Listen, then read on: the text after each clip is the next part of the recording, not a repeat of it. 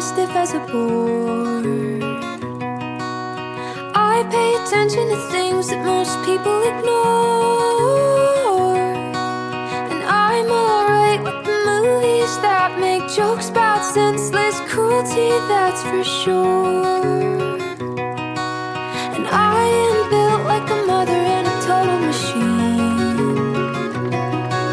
I feel for your every Välkomna till Alex Stigls podcast. Välkomna. Har du följt med? Har du sett? Han har slagit till igen. Vadå, vadå, vadå? Lappo. Ja, alltså det är inte klokt. Det måste vara många känslor i din kropp.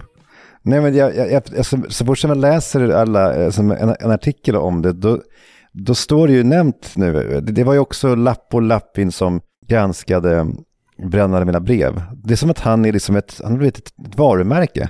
Ja, någon slags stjärna är han ju just idag. Någon slags, ja, men, men vilken typ av stjärna är han? Ja, Det är så jävla, så jävla speciellt alltså. ja, men jag såg på Twitter var det någon som skrev Vem står härnäst på tur?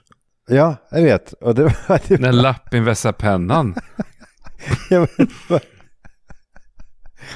jo, men, men Svenska Dagbladet hade ju det som rubrik. Jag ska se om jag hittar den här. Expressen skriver, vem står på tur efter Läckberg och Schulman? Mm. Det är som att han då är, han är som liksom en Avenger. Han är som den här Röda Nejlikan. Kommer du ihåg den, den boken? Och den, det var en serie som gick. They seek him here, they seek him there. They seek him everywhere. Exakt. Va, vad menar du? Han, han är som... Ja, men han sitter på kammaren. Och sen så bara, så bara slår han till. Ja, du menar att han är ganska mystisk, ja? Ja, det är, klart- det är klart att han är mystisk. Alltså vad har han gjort ett halvår? Nej, ingenting. Man vet ju knappt hur han ser ut. Nej, jag har bara hört honom en gång. Det är inte så att han sitter i Babel och berättar om sina litterära avslöjanden. Nej, men han är, nej, men det är så jävla intressant att han ska hålla på med det här snasket. Alltså, det, eller det är väl snask? Eller, eller, eller, eller, eller, eller är det på riktigt? Nej, men det är väl klart att det, det här är jättespännande eftersom det här också är början på någonting. Alltså, det här kommer ju hända igen och igen. Både i Sverige och andra länder. Vad? Alltså, man kommer ju kunna gå tillbaka hundratals år med AI. För det han har gjort är att med hjälp av AI låta analysera eh, Läckbergs böcker. Mm. Och då har AI-verktyget upptäckt att det här är inte hennes språk, utan det här är någon annan som har skrivit. Kan man vara riktigt säker på att författaren själv skrivit boken man läser? Hittills har vi fått förlita oss på författarnamnet som står på boken och vad förlaget säger. Men inte längre.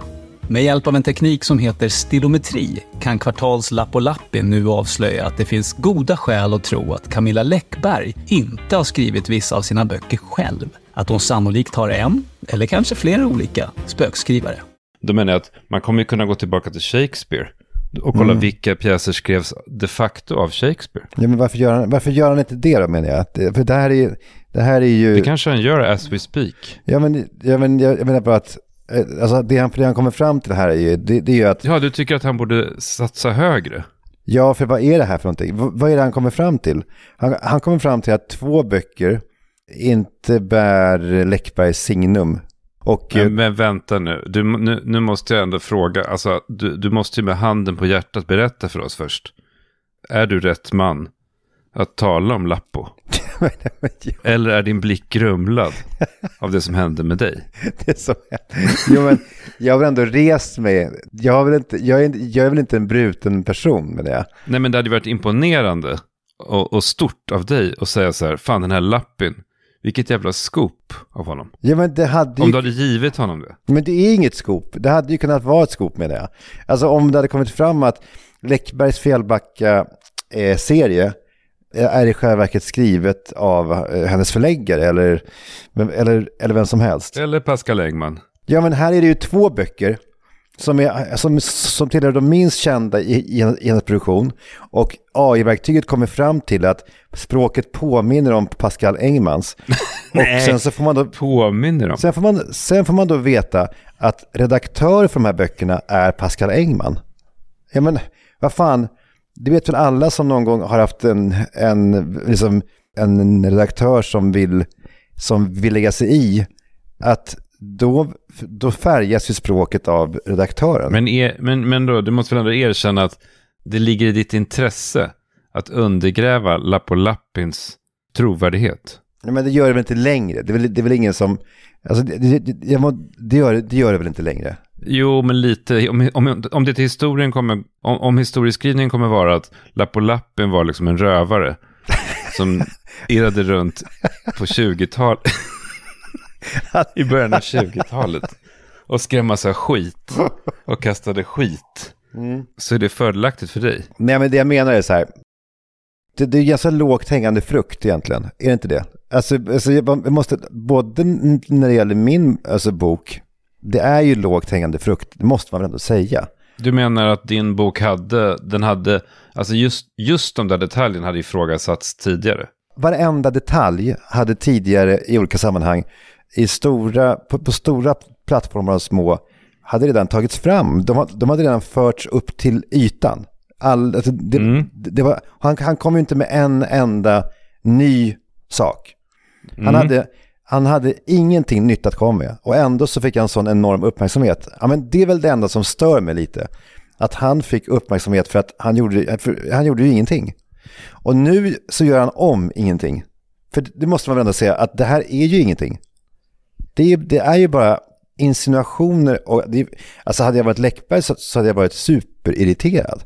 Det är liksom, det är ändå hennes, ehm, det är ändå hennes eh, rykte som står på spel. Men hon bemöter det inte med irritation. Hon bemöter det med sin, med sin um, karaktäristiska emoji med solglasögon inställning. Ja. Att, vad, vad skrev hon? Det blåser på toppen. Ja, jag vet, men jag tror inte hon kommer göra det så mycket längre. Tror hon kommer nog eh, tvingas ta fram en annan verktygslåda. Jag såg eh, eh, hennes pressansvariga som heter Bonge i efternamn. Paulina Bonge. Otroligt namn. Och hon sa då... Jag beror på lågt hängande frukt. ja, jag bara... Alltså håna någon för namnet Bonge. hon säger då, dina anklagelser är inte något jag tänker bevärdiga med ett svar. 35 miljoner sålda böcker talar för sig själva. Det gör de väl inte? Det är så jävla korkat hur den... Nej, det gör de väl verkligen Det gör de väl inte alls? Tvärtom. Om man har sålt 35 ja. miljoner då blir man väl sugen på att sälja lite till och kanske släppa två böcker per år med hjälp av spökskrivare. Ja, det är helt galet svar faktiskt. Ett otroligt korkat svar. Mm. För, även eftersom det är av en person som ju jobbar med det. Men den, den stora frågan är då, hur mycket har redaktör Engman lagt sig i? Hur mycket har han ändrat i den här texten? För vi vet ju att han har varit redaktör, han har hanterat hennes texter, de här två böckerna. Så att, så att, så att skopet är då att kanske är det så att han har varit en väldigt aktiv redaktör. Är det är det, det som är skopet? Eh, att han har skrivit om så mycket att texten i sig lutar mer, mer mot en Pascal Engman-bok än vad som är okej. Okay. Ja, men... Eller vad är skopet? Vad menar du? Alltså, bo hela boken är ju skriven i Pascal Engmans språk. Alltså, teorin är väl att Läckberg har skrivit storyn och att Engman sen har skrivit den. Mm. Alltså, jag, jag håller just på nu med min redaktör, Ulrika Åkerlund, på Bonniers. Mm. Mm. Och eh, jag menar, jag har dokumentet framför mig nu. Alltså, ska jag bara berätta vilken typ av saker som hon ändrar då? Mm. Se om du skulle ändrat det här. Mm. Notan kommer in. Är du, är du beredd på att vara min redaktör här? Mm. Eller se om du upptäcker samma sak som Ulrika upptäcker. Mm. Notan kommer in. Notan. Notan kommer in. Vadå, du tycker det var dåligt? jag skojar. jag skojar bara. Notan kommer ja. in och servitören lägger den lilla silverbrickan på bordet mellan dem. Hanna stelnar. Tom och Lea tar ingen notis om den. Och Samuel sitter insjunken i sig själv med tom blick. Ja, har du något förslag på förbättring? Alltså, finns, det, finns det någon, hur många ändringsförslag har hon i, den här, i det här stycket? En, ett. Kan det vara att, att hon vill att det ska stå att han stelnar till istället för stelnar? Exakt. Hanna stelnar till, mm. inte Hanna stelnar. Mm. Ett annat då. Ja. Gojas hus kallades för den döves hus. Eftersom han hade förlorat hörseln vid det laget. Mm. Ja, så när han flyttade in? Eller? Alltså Goya drog sig tillbaka på ålderns höst till sin villa utanför Madrid. Huset kallades den döves hus. Eftersom Goya hade förlorat hörseln vid det laget. Nej, det kan jag inte se. Vad, ska, vad skulle det vara? Vid det taget. Jaha, vid det taget. Ja, det skulle jag aldrig... Nej, men vad jag försöker säga här, om det hade, hade liksom matats in i ett AI-verktyg, så hade ju inte AI-verktyget påstått att det är Ulrika Åkerlund som har skrivit boken. Nej, men så här korkad är ju du inte. Inte om du, nu spelar du teater väl? Vad? Det vet ju både du, det vet ju väl du mycket väl att det finns olika typer av redaktörer. Jag kan, jag kan lova dig, till, till exempel om man skulle stoppa in AI-verktyget på någon, någon av texterna i filter, eh, så är ju de, de är ju så pass omskrivna av, eh, av Mattias Göransson. Det är väl väldigt olika från text till text. Ändå inte. Därför för mig har Mattias Göransson som skrivit allt. Och därmed också så är, är varandra text helt ointressant för mig. Det är därför som Filter är en sån skittidning. Därför att han, har liksom, han går in så hårt i texterna att det blir hans texter. Stoppa in eh, vilken filtertext som helst och, och det skulle stå att det här är spökskrivet av Mattias Göransson. Hör vi just nu dig leverera nästa scoop till Lappin? Eller i ett ännu större scoop, Lapp och Lappin ägnar sig bara åt lågt hängande frukt. Nej men jag, menar, jag vet ju själv, eftersom jag, ju, jag har ju varit redaktör för andra texter när jag hade den här tidningen Stureplan till exempel. Eh, och då var det ju, Mm. då var det ju otroligt, eh, nej men, och då var det ju ibland otroligt då, dåliga texter. Och det, då när man tog tag i de texterna, då skrev jag ju om dem totalt. Alltså, jag, jag skrev om dem Mm, från mm. start till mål. Och eh, skulle... Jo, jo, men nu pratar du om artiklar från liksom frilansande 22-åriga journalister. Här pratar vi om Sveriges mest kända författare. Mm. Som man förutsätter har liksom ett eget språk eller har den typen av konstnärlig integritet eller vad man ska kalla det. Ja, men jag undrar, är du, är du verkligen lämpad att prata om det här? Hur tänker du då? Ja, eftersom du hatar ju Läckberg mer än någon annan på jorden. Det, det vet du fan alltså. Det är kul, både du och jag är liksom, vi är båda tagna ur spel här. Ja, vi ska ju inte prata om det här.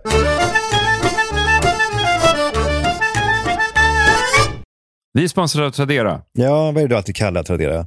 Sveriges, Sveriges, vad fan är det? Största cirkulära marknadsplats. Den är cirkulär därför att saker går runt, runt, runt. Alltså, Ja, det är bra för planeten också.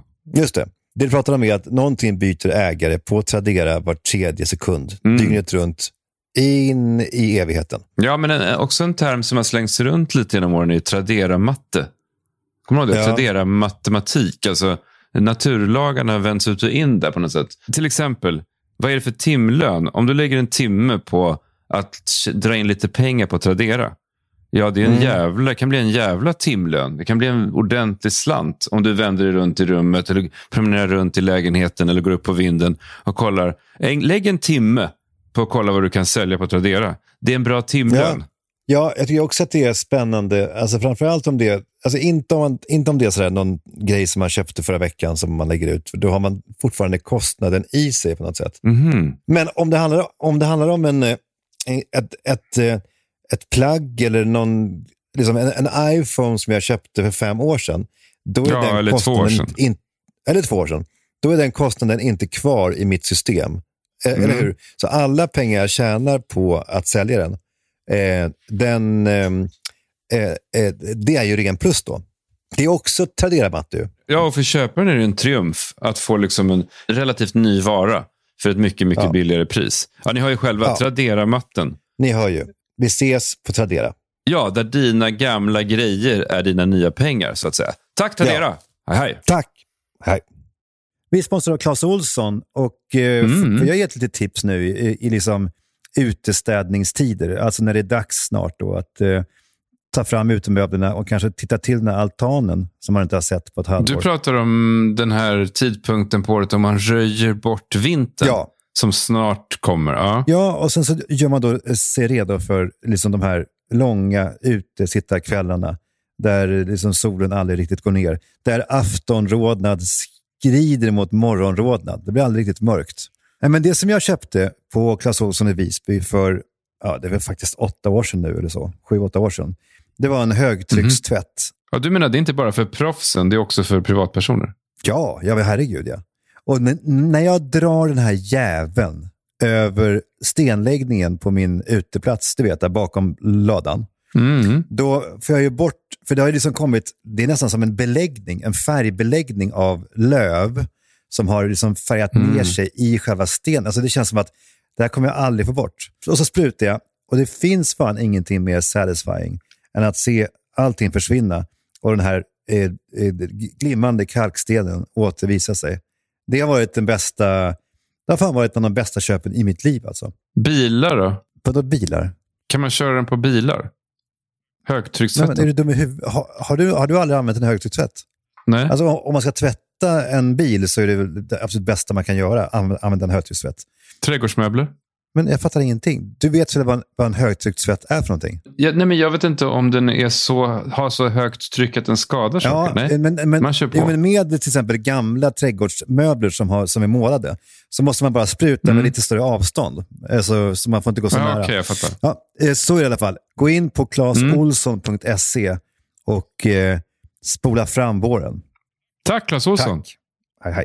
Hej, hej. Vi är sponsrade av Tormek. Ja, om jag får ta över. Eh. Jag har ju haft en Tormek i ett halvår, så jag vet exakt hur den funkar. Jag har aldrig varit den här typen som har skickat in liksom, knivar på slipning. Eller, alltså, jag köper en bra kniv och sen så går det tre månader och sen så är den slö helt enkelt. Ja, för Tormek bygger upp kvalitetsslipmaskiner för vassa äggar. Knivar. Ja, precis. Men för privatpersoner. Alltså, det är inget, det är inget Mm. industriellt. Den är satans snygg så att Amanda har gått med på att den också, också så står framme. Så den står alldeles vid spisen. Känner du dig proffsig då? Nej men proffsig, alltså det, det som är sant, det är alltså att när jag är färdig, då kan jag skära rakt genom papper. Jag kan alltså låta egentligen kniven bara luta sig lite mot, alltså äggen mot en tomat och så går den rakt igenom. Den blir så jävulsk vass.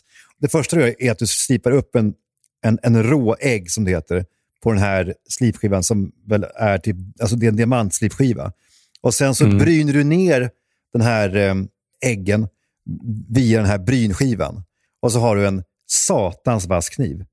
Jag skulle vilja uppmana alla att, att gå in och titta på den och se, se hur det går till. Det, det, finns liksom inte, det går nästan inte att förklara. Ja, det kan ju inte bara vara jag som har då låda efter låda fyllda med eh, slöa knivar. Och Nej, så menar köper det. man nya knivar istället för att köpa en Tormek. Nej, det, Så dumt. Gå in och läs mer eller beställ den eh, på eh, shop.tormek.com, alltså T-O-R-M-E-K.com. Och eh, gör det nu och använd också vår kod. Den är ganska bra den här koden. Den är saftig. Ja, 600 spänn rabatt på eh, Mm. den här eh, modellen som heter Tormek T1 Kitchen Knife Sharpener. Och eh, koden då, när ni går in på shop.tormek.com så eh, använder ni koden AlexSigge600. AlexSigge600. 600 spänn rabatt. Och när ni har gjort det här så kommer ert matlagningsliv bli, bli så mycket roligare. Jag kan lova er det. Underbart. Tack Tormek! Tack Tormek. Hej, hej. Hej.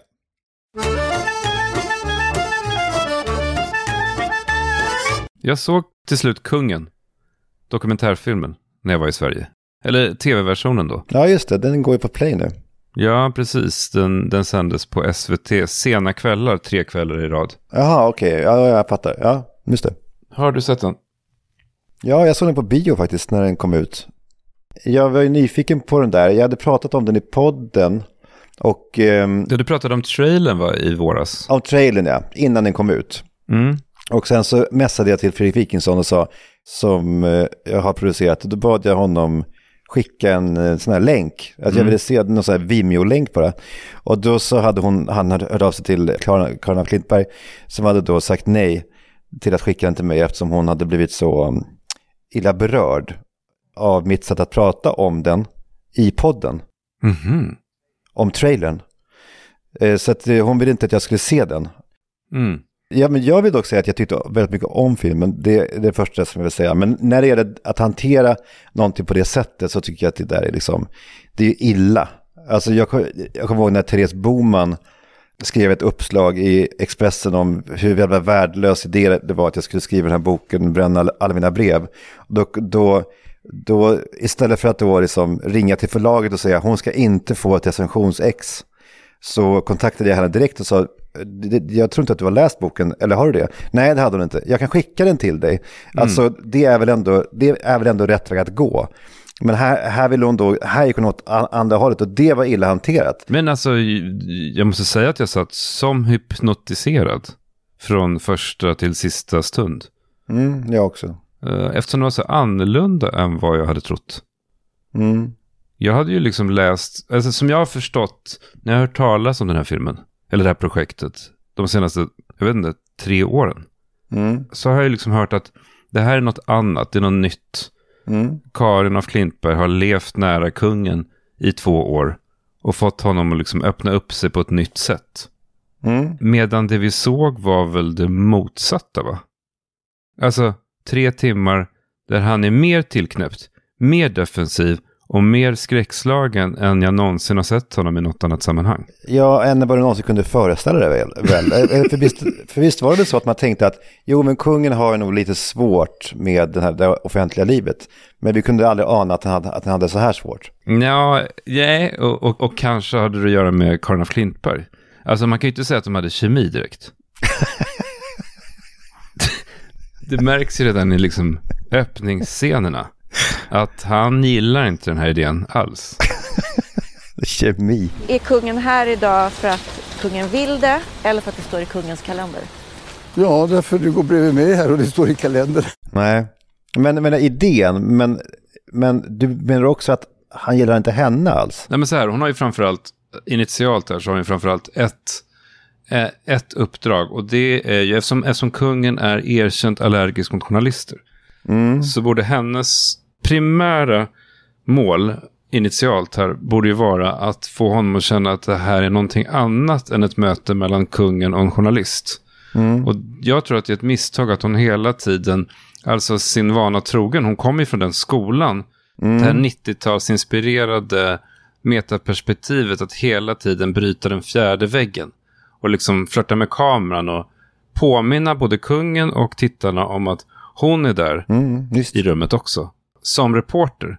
Och, och berätta om sina känslor. Och, och just i kungens fall så tror jag att det är ett misstag. Om, det, om, om man nu ska få honom avslappnad. När vi äntligen ska ses är jag nervös. Vill han ens ha mig där? Ja, det här kom, kom. Titta. Nej, men jag ska eh, säga, jag gick till en terapeut och sa jag är så olycklig, jag vill att kungen ska, ska tycka att det här är trevligt. Och då sa hon, har kungen sagt ja? Har du hört honom säga ja? Nej. Har kungen inte sagt ja? Nej. Jag är inte främst rädd för att han ska bli arg.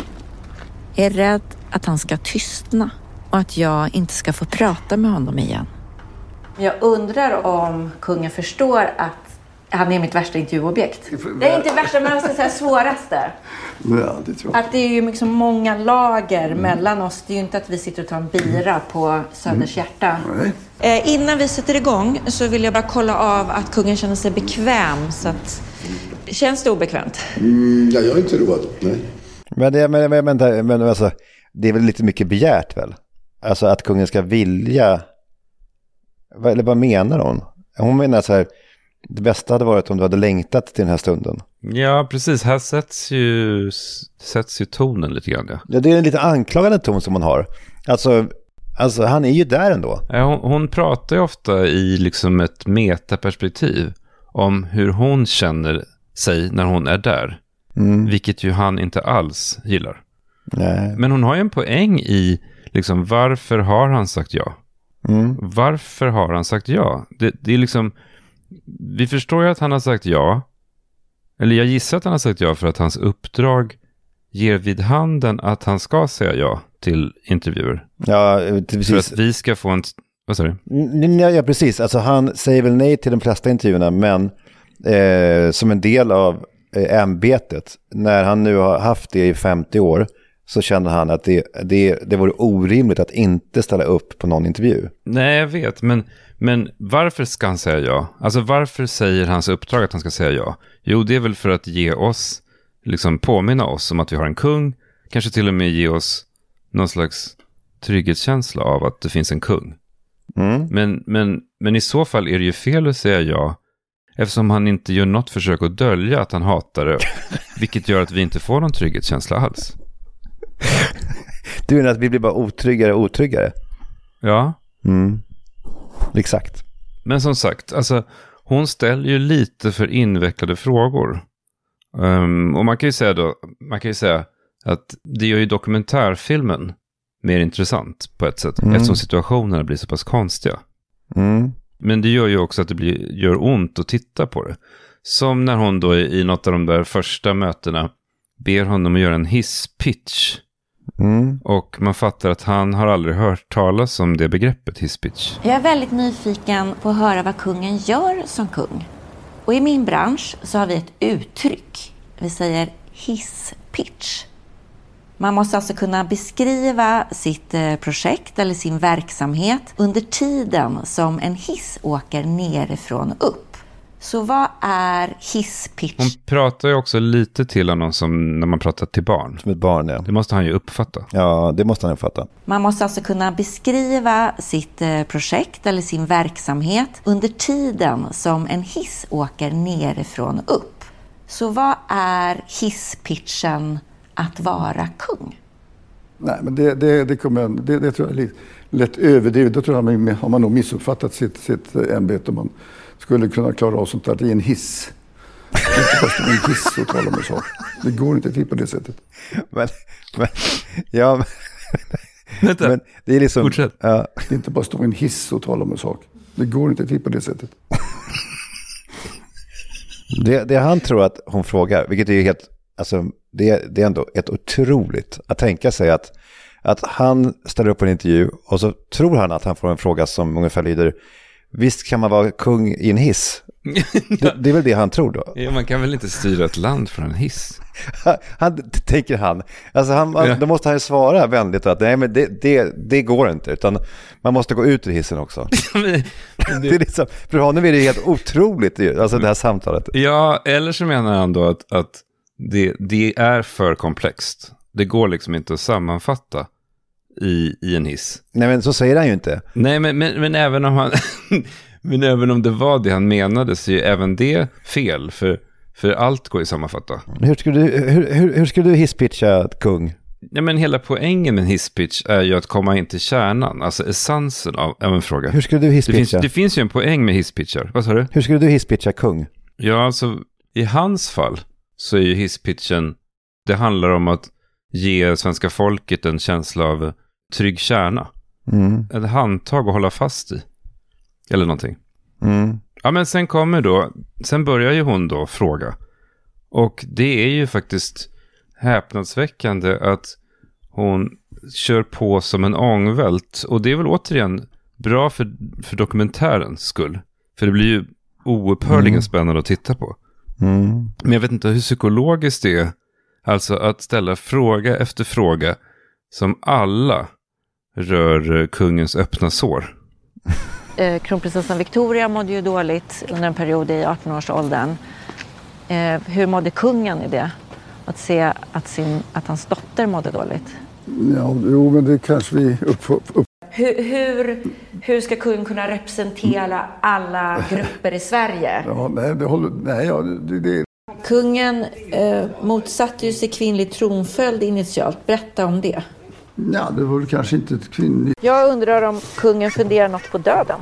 Oj, Städar kungen? nej, jag kan inte städa. Här finns det ju ändå en del privilegier. Vit man, Jag vet inte, ja, både, sent utvecklad, hämmad av blyghet, att han verkar vara lite bakom och en plåg att ha till bordet under en middag. Och jag undrar, hur känns det att höra sådana saker om sig själv? ja, ja, ja, pff, jag kommer inte ihåg riktigt. Vad, är- vad är svårast? Läsa, skriva eller prata? Ja, det är väl... eh, Ja, nej. Ja, det vi går inte in på. Det blir bara så. Men, och är det här någonting som kungen inte tycker om att prata om? Nej, jag tycker inte det är roligt alls. Ja men det, det som händer här är ju att man, alltså sympatierna går ju direkt till kungen. Ja. Man känner ju en enorm sympati för honom. Jag kände ju ganska kort in i, i dokumentären att jag aldrig mer kommer skoja om kungen i podcasten. Mm. Och jag smsade dig och du svarade samma sak. Mm. Alltså han har ju inget skydd för de här frågorna. Fast de har ställts till honom många gånger. Fast han har levt igenom de här kriserna så har han inte uppfunnit verktyg. Eller liksom Nej. en rustning Nej. eller vapen eller vad fan man ska kalla det. För att skydda sig mot de här frågorna. 2010 så blev det ett stort mediedrev kring kungen. Vad var det som hände? Kan kungen ge sin berättelse? Nej, det har jag svårt att göra för att jag förstår fortfarande inte riktigt vad som hände. Så att, eh, Här kommer hon in då på, här på slutet så hörde du ju att hon kommer in på skandalen med ryktena om kaffeflickor och eh, strippklubbar. Mm. Och det är ju liksom, jag vet inte, kunde du titta eller? Du, du satt i bion, du hade ingen kudde. Nej. Nej, jag kommer faktiskt inte ihåg riktigt. Det var, det var, jag såg den typ för ett, för ett halvår sedan eller så. Jag, jag minns inte. Vad, vad, hände, vad hände här? Var det en jämlik situation? Att, jämlik. ja, att... Eh, ja, men, för mig känns det ju ojämlikt att det kommer dit tjejer på något sätt och eh, ska på något sätt ro, roa överklassherrar. Nej, ja, det, det, det har jag ingen... Så kan jag inte känna att, att det var på det sättet. Nej, nej faktiskt inte. Men berätta istället då hur det verkligen var så att det blir rätt. Ja, men det verkar som du vet allting mycket Nej, bättre. jag frågar. Jag frågar. Mm, nej. Jag vill inte eh, alls anklaga. Men Nej, men jag försöker bara förklara. Alltså på sätt och vis kan man ju säga här att hon är ju såklart en duktig reporter. Hon ger sig inte, hon borrar på. Och eh, hon är uppenbarligen en, en jävligt bra dokumentärfilmare eftersom resultatet är så naket och, och eh, underhållande och rått. Men man frågar sig lite vad poängen är. Mm. För af Klintberg, hon kan ju inte tro att han kommer att öppna sig här och börja berätta. Det, det, det kan ju inte vara poängen, för det kan hon ju omöjligt tro. Vilket gör att man undrar, vad är målet då med det hon gör? Alltså vi har ju kritiserat honom och, och liksom drivit med honom i 500 avsnitt här. Så vi är ju inte i någon ställning att liksom prata om det omoral, eventuellt omoraliska i det hon gör här. Men jag undrar, vad är det hon, jag är så jävla nyfiken på, vad tänker hon att hon åstadkommer här? För jag menar, säga vad man vill om, om det vi har gjort i podden. Men målet har ju varit, oetiskt eller, eller inte, har ju varit tydligt att få lyssnarna att skratta. Medan här är det ju som att lyssna på, det är som att på, titta på en scen där en person pratar franska och en person pratar tyska. Nej, men jag, jag, tycker, jag tycker hon vandrar ju på, hon balanserar ju, eller hon, det är två stycken approacher hon tar. Dels är det den här, det här konfronterande. Sen är det också, hur känns det här och hur mår du? Och, alltså det är också mycket att, han, att hon vill veta hur han känner. Mm, just det. Det är kanske därför han låser sig, för att det är svårt för honom att navigera i det. Mm. Och mest ont gör det väl när... Har du, var det med i filmversionen? När hon ska imitera hur han lät i klippet om strippklubbarna? Nej, det var inte med. Nej. Du har inte sett det? Nej. Det där klippet har ju rusat runt och man tror att kungen ljuger. Hur skulle folk- kungen vilja svara idag? Samma, på samma sätt. Hur då? På samma sätt. Nej. Vadå? Ja, men för kungen sa att jag, jag, jag litar på kungen, men i det svaret så gör jag inte det. Men det var ju på, påhitt alltihopa. Det var inte klokt. Ja, hur som helst. När jag hade sett klart den då så då gick jag tillbaka till vårens recensioner. För att kolla vad folk tyckte då när den gick på bio. Mm. Och eh, den fick ju väldigt fina be- betyg. Alltså fyror. Mm. Och Klintberg fick beröm för att hon var modig och eh, jag vet inte hur man ska sammanfatta det. Men att, att hon har gjort ett ambitiöst försök i alla fall att förstå honom. Mm. Och dessutom så var det väldigt fina ord om kungen. Alltså, Mm. man kan väl sammanfatta det som att kärleken till honom har ökat på grund av filmen. Det måste man säga. Det, jag tror att den här filmen var jackpot för kungahuset. Ja, och jag, när jag läste de recensionerna förstod jag inte riktigt ändå varför. Eftersom han är så vilsen så att säga. Och så pass fortfarande oförmögen att svara på de här viktiga frågorna. Mm. Det var inte förrän igår kväll egentligen som jag tror att jag för första gången i mitt liv kanske förstod kungen. Och förstod varför han är så älskad just nu också mer än någonsin. Och vad var det då? Jag ska återkomma till varför, men det började då med att jag såg ett inslag om att nationella beredskapsveckan pågår. Mhm. Du vet vad det är kanske? Nej. Nationella beredskapsveckan. Nej. Ja, okej, det pågår just nu. Det är massa organisationer och liksom hemvärnsorganisationer och privatpersoner som på olika sätt förbereder sig. Massa preppers inte minst. Mm. De förbereder sig inför vad som händer om, om ryssen kommer. Eller om krisen kommer. Mm. Kriget kommer. Mm. Och det som är så fascinerande då, det är att i de här inslagen som, som man ser nu på nyheterna är att de flesta av de här privatpersonerna, de har inte någon jättestor kunskap om krig. Utan det är ju väldigt improviserat alltihop. Mm. De liksom lajvar krig utan kunskap, hej vilt. Mm. Men ändå har de ett jävla självförtroende. Jag, jag vill bara visa en grej, en övning. Det finns då något som heter Frivilliga flygkåren. Mm. Ett gäng äldre herrar. Som under den här veckan, det är väl deras lyckligaste vecka på året då. är det fräckt att spekulera i att de kanske har en hemlig dröm om att det ska bli krig? Nej, det är väl inte fräckt. Nej, jag menar det. Om man liksom ägnar så mycket tid av sin pensionstid åt att lajva krig. Mm. Hur som helst, i, igår så övade de på vad händer om IT slås ut? Stod det i rubriken. Mm. Internet slås ut via en cyberattack från Ryssland.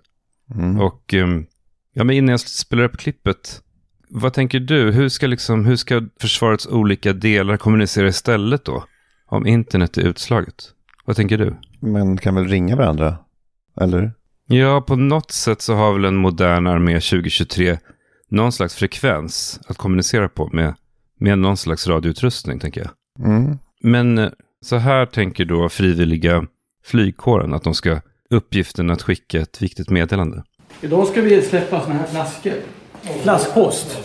Och här ligger då besked till kommunerna som eh, eh, de får meddelanden från Länsstyrelsen centralt. Tanken är då att kommunikationerna är utslagna idag och det finns ingen chans att kommunicera. Och det här är ett sätt för dem då att få ut meddelanden. Ja, de tänker alltså att de, nej, de tänker att det blir medeltid. Det blir ingen som helst. Ja, men, det, men vad ska man säga om det? Det är ett gäng äldre herrar som står i, de har ju någon uniform, någon ov- overall. Som är lite militär, som verkar vara hemgjord men som påminner lite om en militäroverall. Den är lite beige sådär. Och så har de de här flaskposterna då som de har. Och så har de ett eh, propellerplan. Ja, men vem ska då fånga upp de här flaskposterna kan man undra. Mhm. Då gör nästa gäng entré, Frivilliga Motorcykelklubben. Ja, vi är ju civila MC-resurser då, så att eh, vi ska ju vara de som kan åka, tas eh, på vägar som kanske inte bilar kan åka på. Så att, och göra uppdrag som vi får då. Vi vet inte riktigt än vad som kommer att ske. Och vad är det ni ska göra? Vi ska lämna ett säkerhetsdokument till ett ställe. Säkerhetsdokument. Vad kan det vara för Det känns ju lite mer som en hobby än som liksom något, ett avgörande bidrag till armén. Säkerhetsdokument. Jag vet inte ens vad det skulle vara.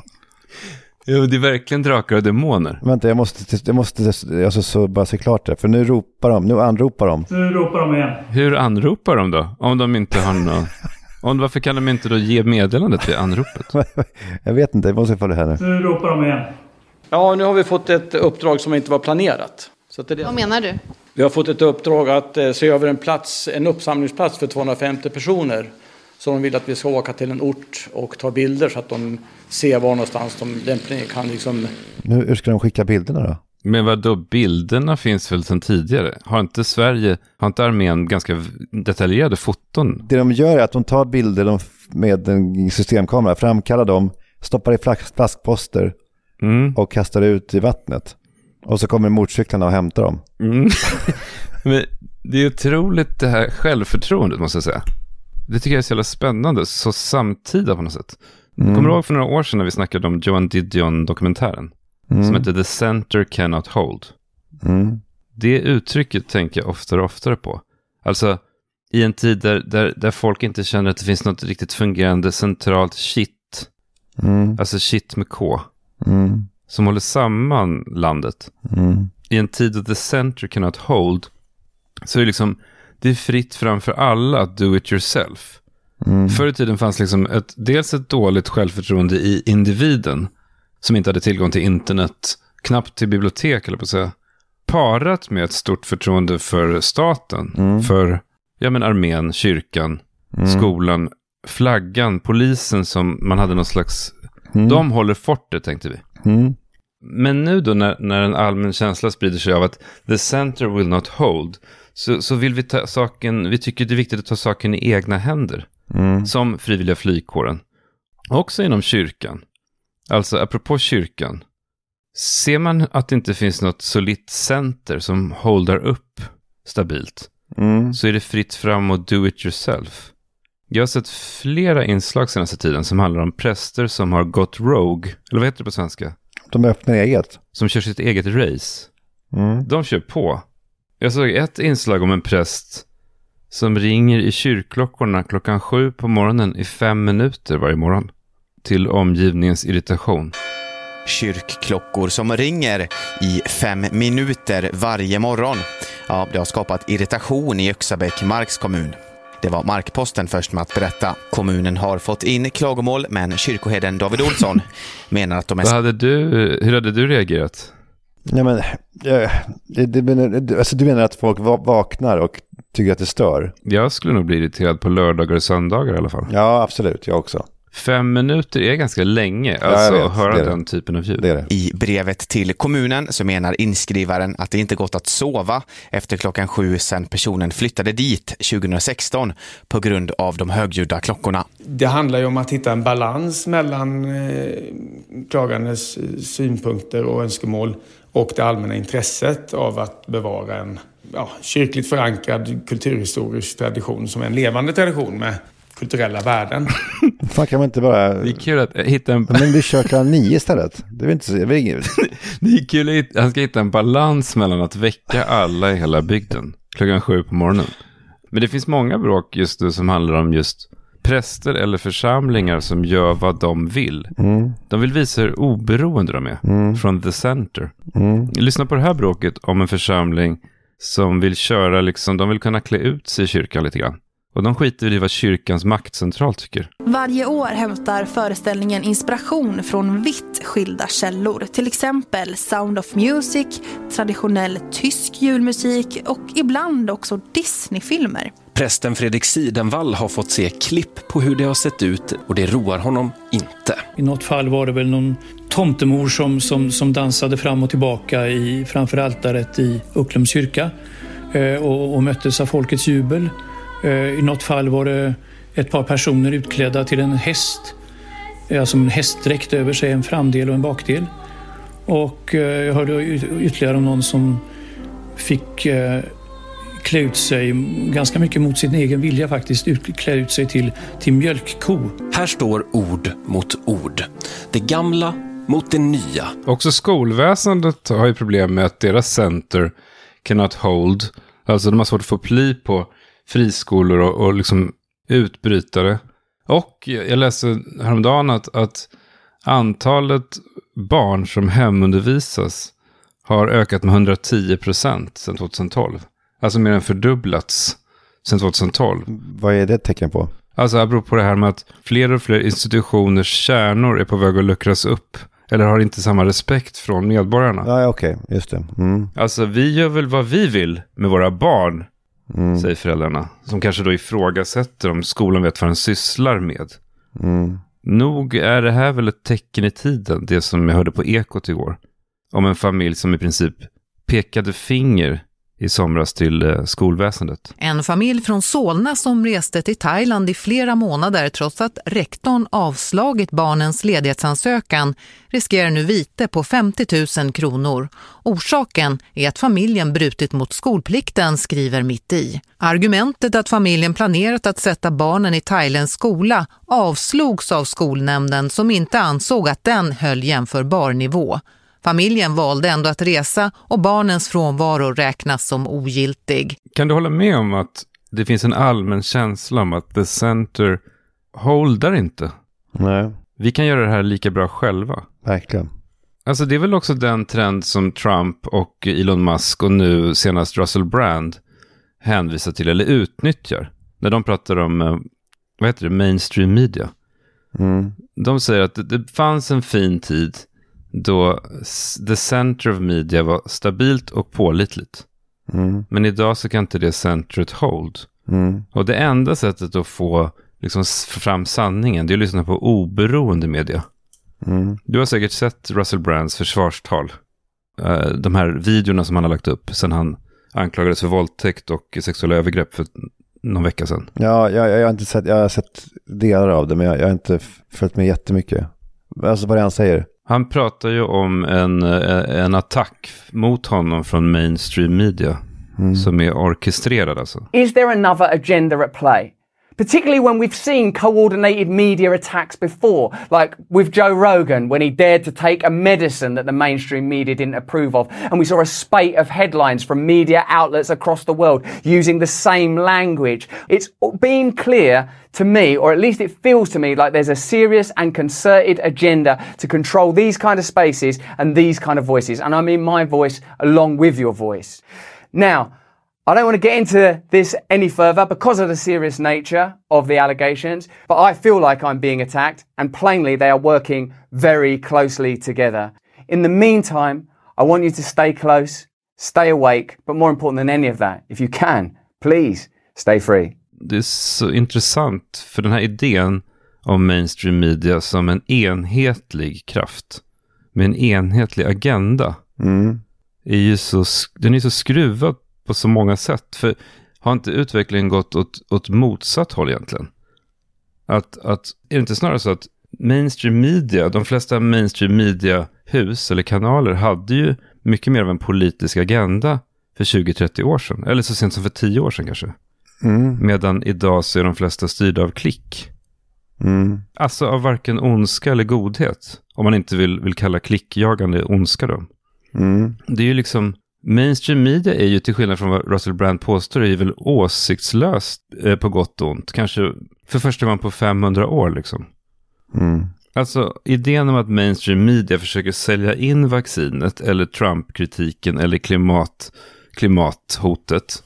Den handlar väl bara egentligen om att majoriteten av människor tror på vaccin. Majoriteten av människor tror på klimatkrisen. Mm. Och därför klickar på sådana grejer. Mm. Eller? Ja, så är det. Hur som helst då. Igår kväll så, så sa Malin att hon ville se Kungen-dokumentären. För jag hade pratat så mycket om den. Mm. Och jag satte mig ner bredvid och kollade med henne. Mm. Och jag såg lite andra saker nu. Jag kanske var så chockad av eh, Karin af Klintbergs eh, frågor första gången. Mm. Att jag inte riktigt liksom, jag var inte så uppmärksam på de här delarna om hans barndom.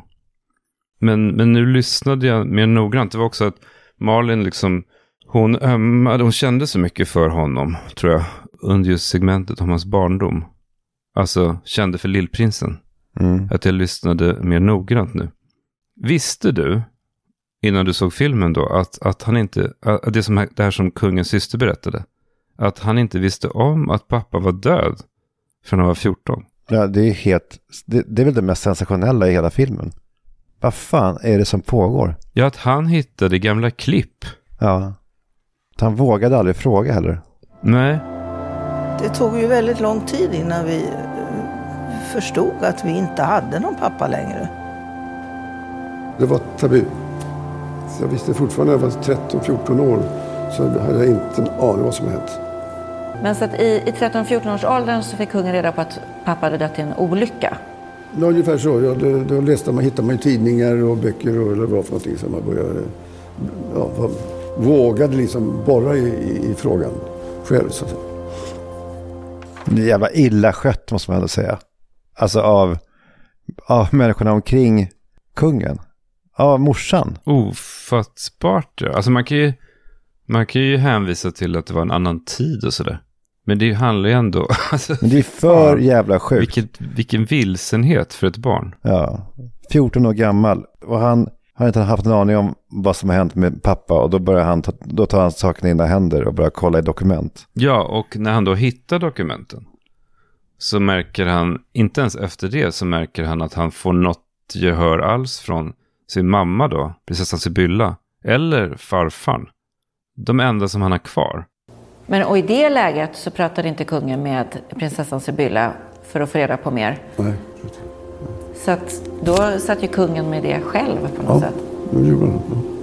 Sen var det ju också en farfar som överlevt Mm. sin son.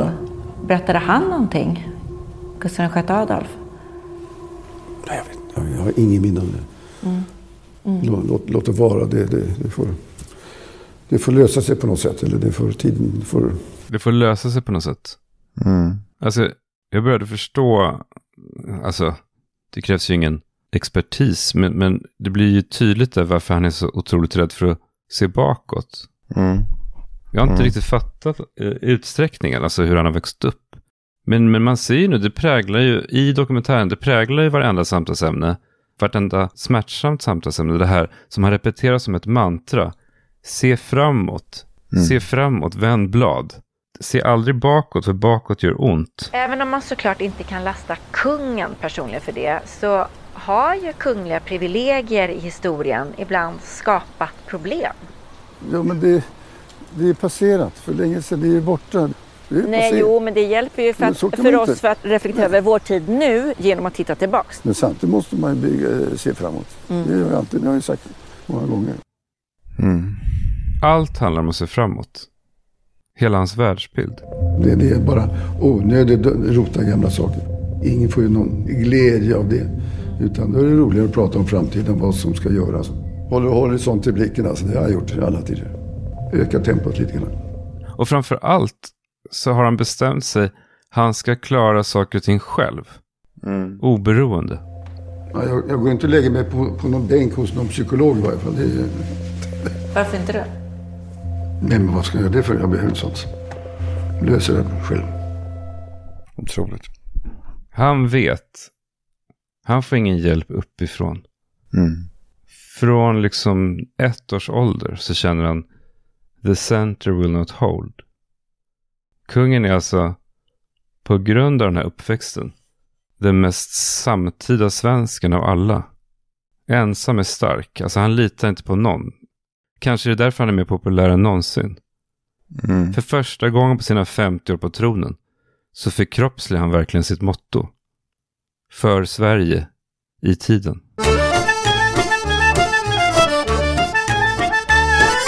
Vi gjorde ju en extra podd eh, häromdagen, en frågepodd. Mm.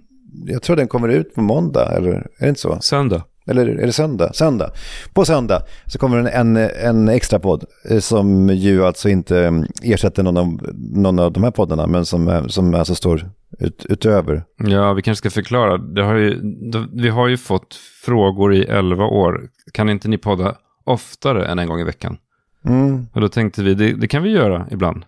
Och, och lägga det bakom det betalvägg för de som vill alltså. Ja, och, då, då, då, och de som inte heller då tycker att det är roligt att lyssna på reklam kan då göra det genom att på söndag gå in. Man kan väl lyssna på den via den här feeden, den ligger väl här eh, eh, helt enkelt. Så där Mm, ni lyssnar mm. på den här podcasten, där kommer ni se, se eh, frågepodden. Det är väldigt enkelt, man trycker på en knapp och så kan man typ swisha tror jag, eller sådär.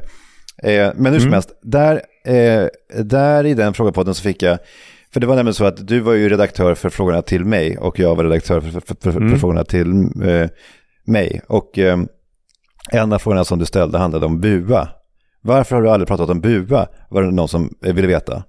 Och Mm. eh, Skäms du för bua? nej men jag, jag, jag, jag eh, har alltid tänkt att jag inte har pratat om bua därför att, därför att det inte betydde någonting.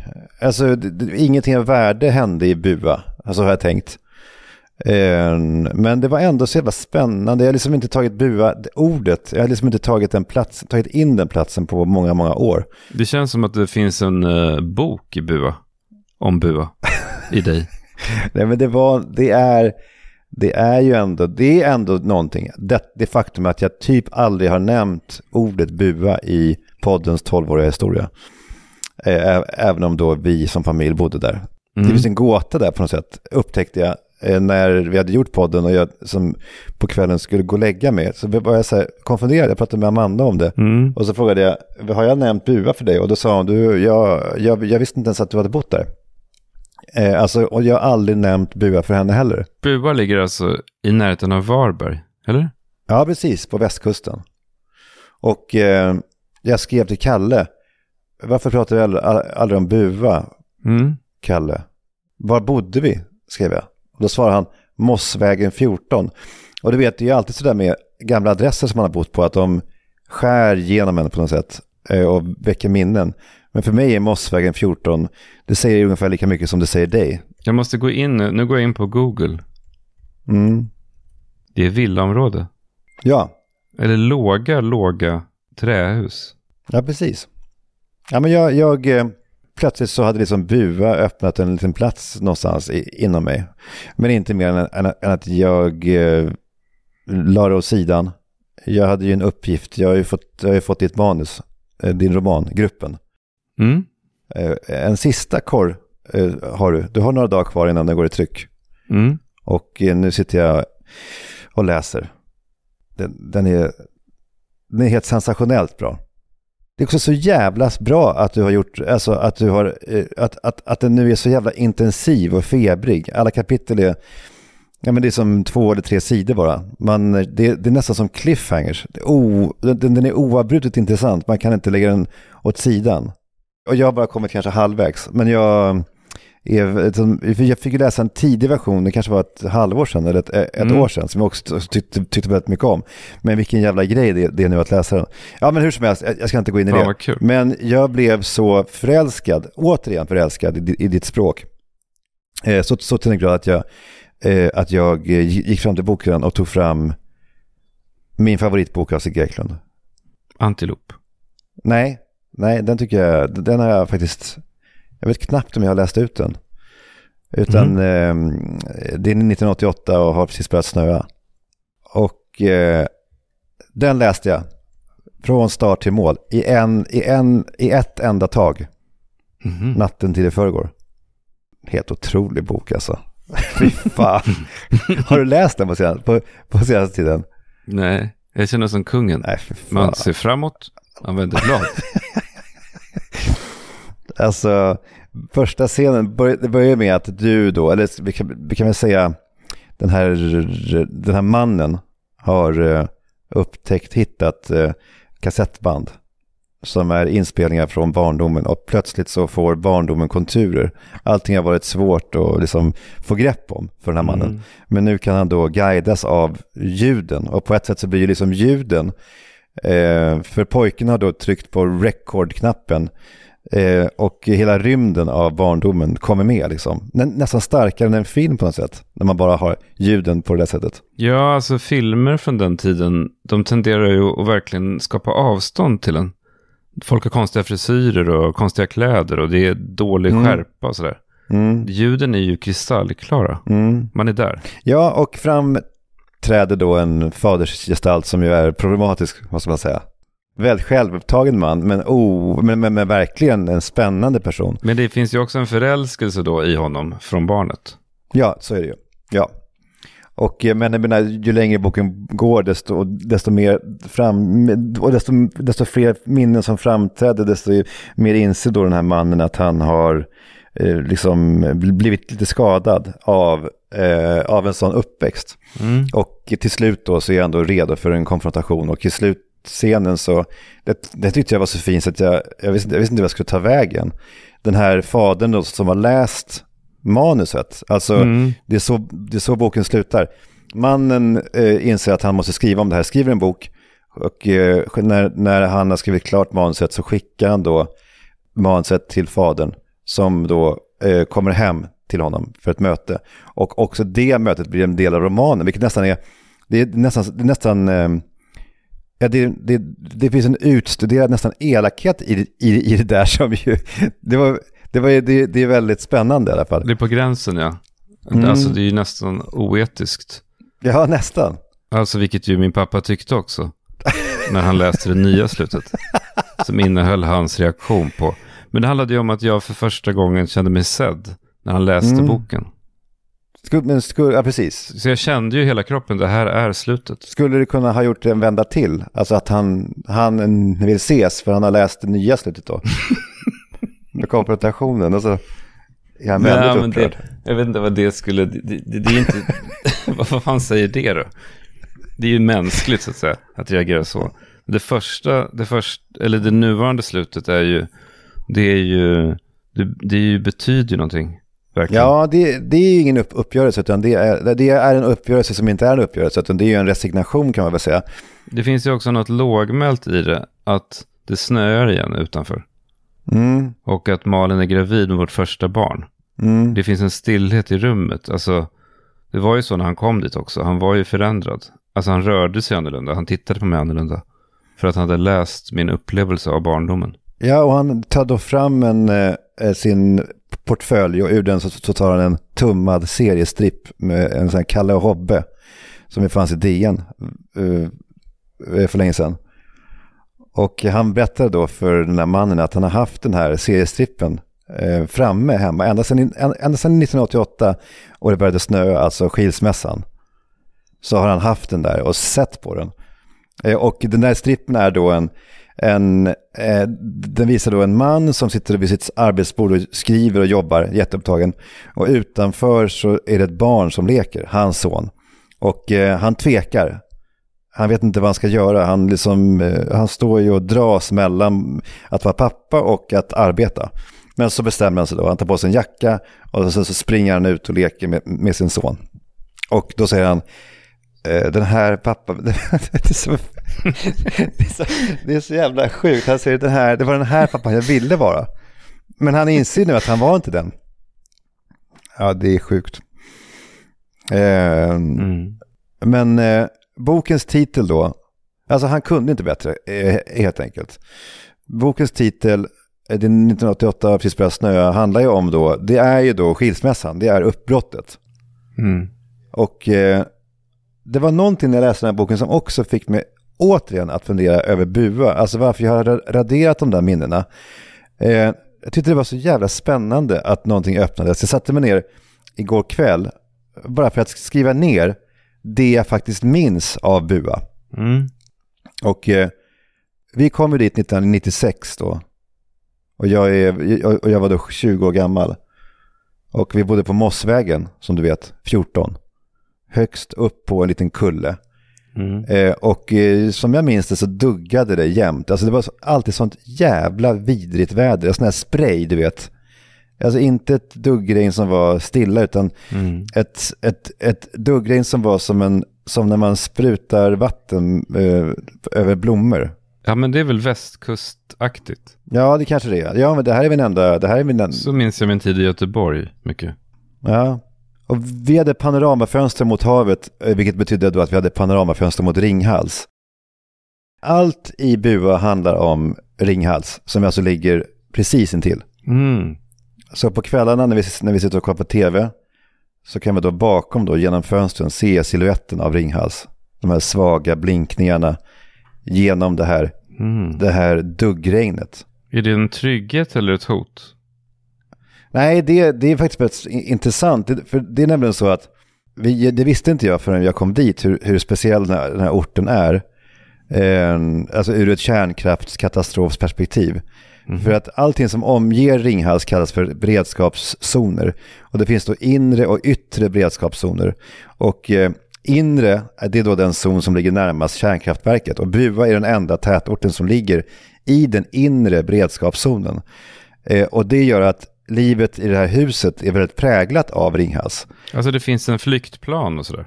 Ja, ja, ja verkligen. Det, vi har egna sådana här varningsmottagare som ser ut lite grann som brandvarnare.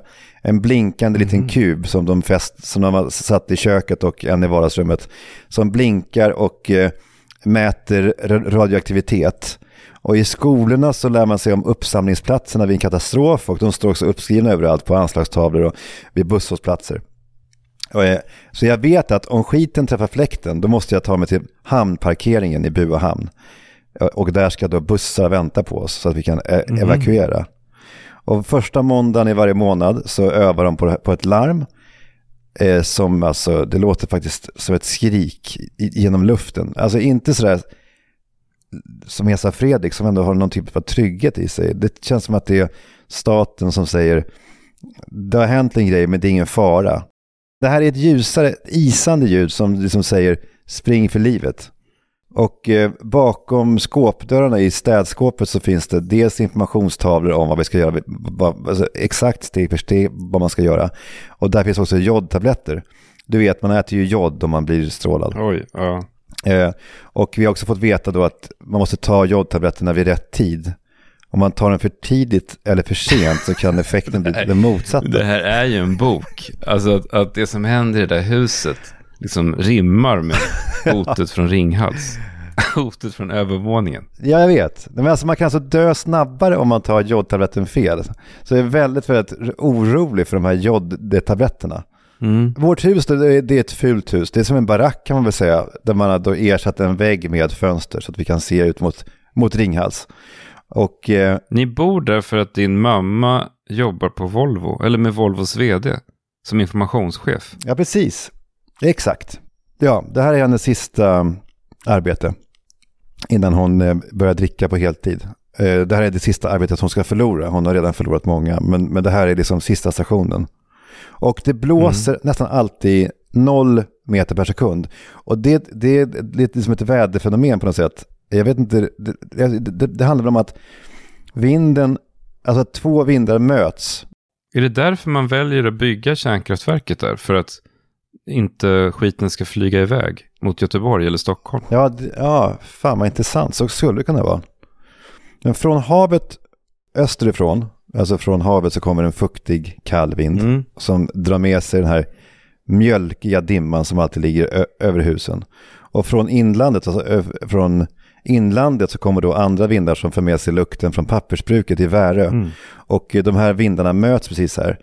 Det är alltså lukt av tång och dött hav från väster och lukt av sån här ja, men bakfyllefis från bruket i öster. Och de möts precis där i Bua. Och så ett evigt duggregn. Och så här luktar det då dygnet runt. Det, det är alltså att leva i helvetet. och nere i hamnen så kan man ibland se människor. Det är, bara där, det är bara där det finns folk. Och människor är i regel fula, ogina liksom. Och fulla av fördomar och eh, någon slags vrede. Mm. Jag lär mig rätt fort att hata dem. Har det någonting att göra med eh, att de lever nära den här potentiella katastrofen? Att det tynger en? Det vet jag inte, men man får absolut inte prata illa om Ringhals, för att Ringhals är då den enda Mm. arbetsgivaren i Bua. Eh, några stycken är, fiskare, åker ut mitt i natten och kommer hem på, i gryningen, men de allra flesta jobbar ju liksom i eller i samband med, eh, med kärnkraftverket. Men pappa har då en, tra- en tradition. Vi flyttar ju vart tredje år ungefär i snitt, Mm. eller vartannat år, eh, till en ny stad. Och det beror ju på att mamma byter arbete. Eh, det, det skulle också kunna vara, alltså det skulle ju kunna vara något, du vet, ett eh, barnexperiment. Där man vill Mm. testa hur man maximalt kan se till att destabilisera ett barns uppväxt. men men den, liksom den, den formella förklaringen är att vi måste flytta för att mamma eller pappa ska byta jobb. Och varje gång som vi flyttar så startar pappa en ny tradition. Han sätter upp lappar på torget och så bjuder han folk att eh, vara med och blåsa in julen. Han gjorde det i Smygehamn i Skåne när vi kom dit. Han gjorde det i Värmland, i Uddeholm. Han gjorde det på Ekerö. Och nu, så flytt, nu har vi kommit till Bua. Och nu ska vi återigen blåsa in julen på pappas vis eh, nere i hamnen. Och eh, han ordnar fram en kille som, som spelar trumpet. Och så väljer han, han ut en dikt som mamma ska högläsa. Han ber mamma om hjälp. Och vi barn ska gå runt och dela ut pepparkakor från en burk. Och vi går ner på julafton klockan 12 ner till hamnen. Och det kommer sju personer som står och stirrar på den här killen med trumpeten när han blåser Mm. någon fanfar. Och eh, tre av dem går när mamma läser dikten. Och eh, de återstående går vi fram till med våra pepparkaksburkar. Det här misslyckandet är då totalt. Det är, liksom, det är hela familjens misslyckande kan man väl säga. Det är som vi gör så att hela vårt namn på spel, känns, så känns det. Och eh, pappa ger inte upp då, han vill sätta upp ett spel, ett skådespel, en pjäs. Han har skrivit en pjäs nu om bygden, om Bua. Och eh, det är ett bygdespel. Och så annonserar han efter skådespelare. De ska komma då på en viss tid hem till oss för att eh, eh, vara på audition. Men vad var det för att han kände sig inspirerad eller bara rastlös? Han är, han är nog alltså både och. Jag tror att han ville en av det sista eh, ha någonting att göra framför allt. Spela en roll Mm. eller vara... Jag, han ville inte bli bortglömd he- helt enkelt. Det var liksom någonting som var fint men också lite sorgligt. Det, det var, liksom, det var dubbelt.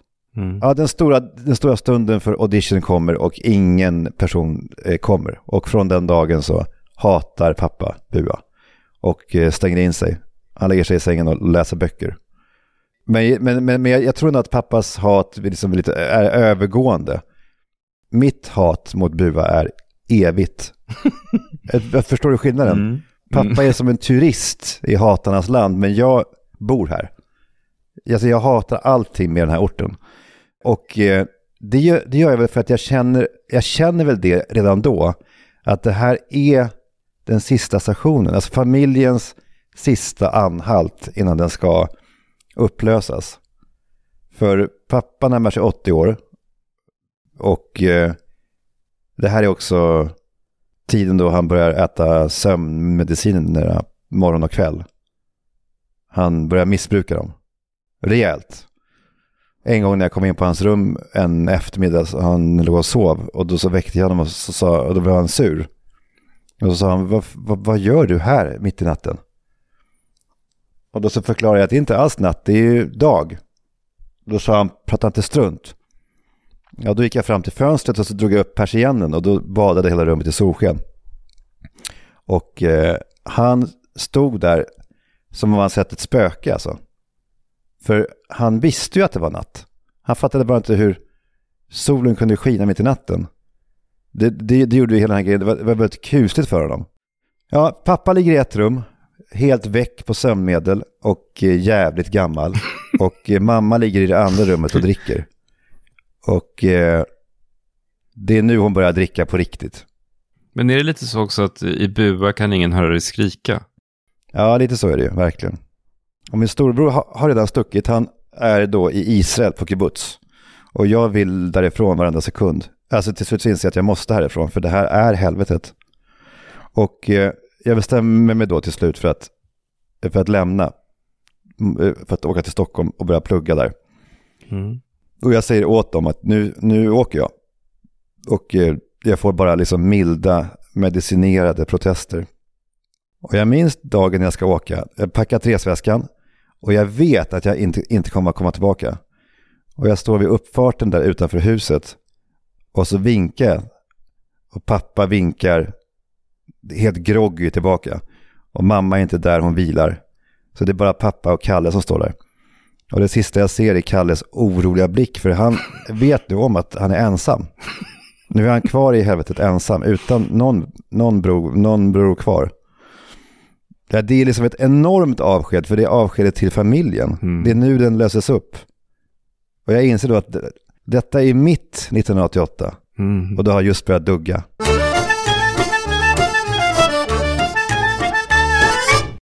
Vi har ett betalt samarbete med Swave nikotinpåsar. Det här meddelandet riktar sig till de som är över 25 år och eh, som redan använder nikotinprodukter. Ja, Swave innehåller nikotin som är ett väldigt beroendeframkallande ämne. Mm. Och det kommer i åtta olika smaker och i två olika styrkor och format. Ja, i slimformat hittar vi Swave Aviation eh, som har en smak av viol kombinerat med en ton av körsbär. Ja, och vill ni veta mer om Swave så kan ni gå in på nico.com som stavas N-I-Q-O.com. Tack Swave! Tack Swave! Hej, hej. Hej, hej. Vi är sponsrade av Posita. Mm. Det har hänt en del, måste man säga, med hund och kattmat sen vi var små. Då var det de här amerikanska massproducerade konservburkarna Mm. som stod på hyllorna. Men här talar vi om ett svenskt premiumvarumärke för katt och hundmat. Ja, precis. Och jag, jag tänkte jag skulle fråga dig om du, om, du är, om du tillhör konsumentgruppen LOHAS. Förlåt? Jag, jag förväntar mig inte att du ska veta vad det är, men LOHAS det är då en förkortning av Lifestyle of Health and Sustainability. Alltså...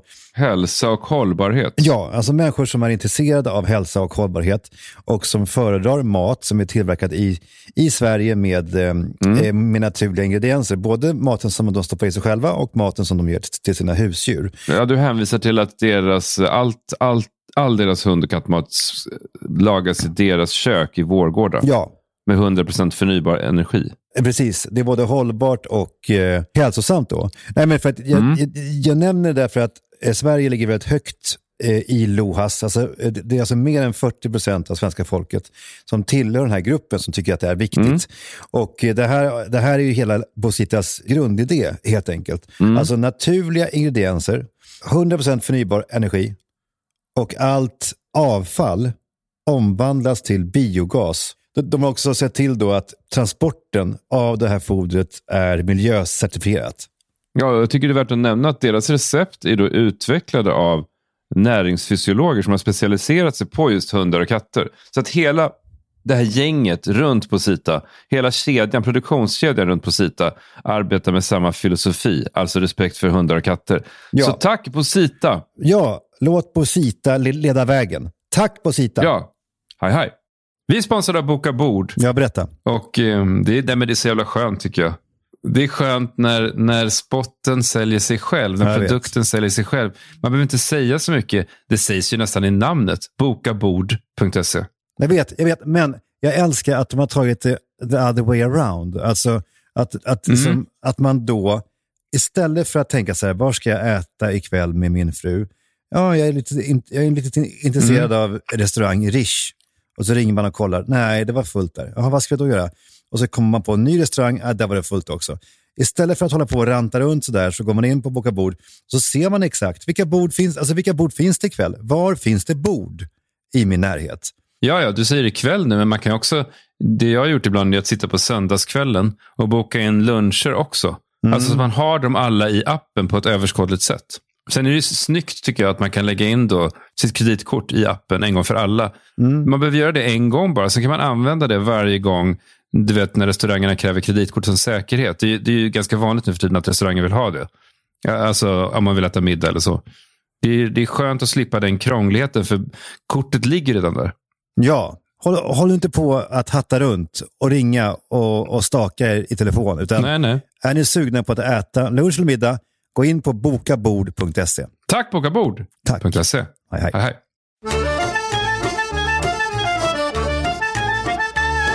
Men Lappi måste vara försiktig också. Han, han kan ju liksom inte välja vem som helst. Lappin, ja du menar eh, Lappo-Lappin? Ja, Lapp och Lappin. Han måste ju liksom... Det finns ju ganska mycket Schulman-haters där ute. Och Läckberg-haters. Mm. Så han vet ju att det här Mm. är två personer som... Det kommer finnas folk som klappar honom på ryggen. Mm. Men jag menar, han skulle inte kunna ge sig på kungen till exempel. Tänk om han matade in kungens, liksom, informationen som kungen ger i dokumentären. Mm. Och började ifrågasätta det. Men ifrågasätter då? Du menar att, alltså vad menar du? Nej, nej, nej, jag menar rent hypotetiskt. Om lappen i kvartal hade skrivit en 10 000 tecken lång artikel om att nej, kungen fick veta att hans pappa var död när han var 13, inte 14. Jaha, okej, ja. Det hade ju inte fallit i god jord. Nej, precis. Men- nej. Ingen som vill veta det i sådana fall. Det är ingen som vill veta det, nej. Så han måste alltid använda, han måste alltid gå mot folk som är kontroversiella. Mm. Vad skulle han kunna göra på dig? Alltså det känns som att, var, varför? Det var 1987 och hade precis börjat snö, menar han. Men det, det är heller ingenting. det, det, jag menar, det håller ju inte. Ja, du menar att det ingen, kommer inte bli något ramaskri? Ingen kommer ju skriva om det. Det- det. Lapp på lappen kommer inte få stå i Studio 1 som han fick göra med Bränna mina brev. Nej. Det hade varit otroligt starkt om han... För nu har han ju utgått från att Pascal Engman har skrivit sina egna böcker, att det är Pascal Engmans språk som är Pascal Engmans språk. Mm. Det hade varit en sensation om han insåg att Pascal Engman, inom citattecken, är inte Pascal Engman. Mm. Det är Marie Ljungstedt. Och, och, och, Och aha. Läckberg blir skitförbannad. Hon förstår nu att Engman i sin tur har hyrt, en, hyrt in Ljungstedt. Jaha, Engman blåste henne. Han hann inte, han hade så mycket att stå i. Engman blåste Läckberg. Men Läckberg blåste svenska folket. Ja, Engman blåste Läckberg. men blev i sin tur blåst utan att veta om det. det, Eller blåst och blåst, han levererade det jobb som han blev betald för att göra. Mm. Det var bara att han, han bad om hjälp. Mm. Något sånt alltså. Mm. Det är lite one trick pony också på Lappin. Alltså Vadå? tar etablerade författare i Sverige. Eller hur? Ja, du menar att han borde kanske vidga sina spaningar utanför bokvärlden? Ja, men han kan väl han kan väl liksom inte göra om det här nu på någon, på typ Lars Kepler eller på Claes Östergren. Utan han måste ju, Mm. det vore ju kul om han kunde ta ett steg till. Vadå, du menar Evert Taube var aldrig i Sydamerika? Men, Han var på Kanarieöarna och svängde ihop de här låtarna. men det vore inte det helt otroligt? Jo, jo. Det var inte Pampas, det var Palma. Las Palma. ja, exakt. Flickan i Havanna var liksom flickan på Ibiza. Mm. Men det är väl också en nyhet som ingen vill höra va? Apropå kungen. Men så vad är hans nästa grej då? Det är så jävla... Det måste finnas en aggression från stor del av befolkningen mot den personen som han avslöjar. I så, i så mått är han ju listig. Mm, just det. Arg snickaren var inte arg. Det vore faktiskt ett jävla kul skop. Kvart, kvartal i, i november. Ja. Han har intervjuat folk runt Anders Övergård. Det är en kanonkille. Han kom hem, han var inte ett dugg irriterad. Nej, så ljus. För, efter inspelning. Han var på gott humör. Det hade gått bra idag, sa han. Det har ju någonting. Fast ännu roligare hade det varit om någon som liksom är känd för att vara gladlynt. Alltså, Astrid Lindgren var ond. vill folk höra det då? Men det är väl en bra rubrik. Alltså hon gick runt och drog barn i örat. i Vasaparken. Nej, men det räcker ju inte. Nej, det räcker ju Det inte. räcker måste ganska ju långt. Vara, vara värre än så. Alltså om, om 18 barn, nu vuxna, nu i 45-årsåldern vittnar om att hon slet tag i örat på mig när jag passerade. Alltså Lappin hittade 50 barn som vittnar om samma jävelskap. Då är det ju, det är ju något. Alltså, Lindgren-barnen, alltså, Mm. de med, pratar ut, de är, de är väl då 60 år då? Ja, De kanske avslöjas i någon stor så här, tv-sändning, Agenda. Finns det något barn här som har blivit, som har, som har blivit dragen i örat re- reser sig ett upp? Finns det något annat barn? Och då reser sig hela publiken upp. Men att bli dragen i örat, det känns ju som... Det var hennes grej Det är då. bara en tossig tant. Alltså, Ja, okej. Måste det inte vara någonting, alltså, ja, du vet att hon liksom... Hon bände av lillfingernageln på dem. Det var hennes grej. Det är ju helt enormt. Finns det några andra barn här, före detta barn, som har fått lillfingernageln avbänt av Lindgren? Frågar de. Och då så reser sig hela publiken. Alla visar upp eh, alltså, sina fingrar, vanställda fingrar. Ja. Men då är ju, då är ju Lappin... Och så vänder sig alla mot Lappin då. Och applåderar. här har vi något. Eller Lappin har något här. Ja, Lappin har någonting. Fan, vi gav, honom, vi, vi gav honom det igen. Han gör det snart. Han gör det. Och vi kanske också gör det. Nästa vecka, för vi Vi ses om en vecka. Aj, aj, aj. Eller på söndag för de som Hej. vill.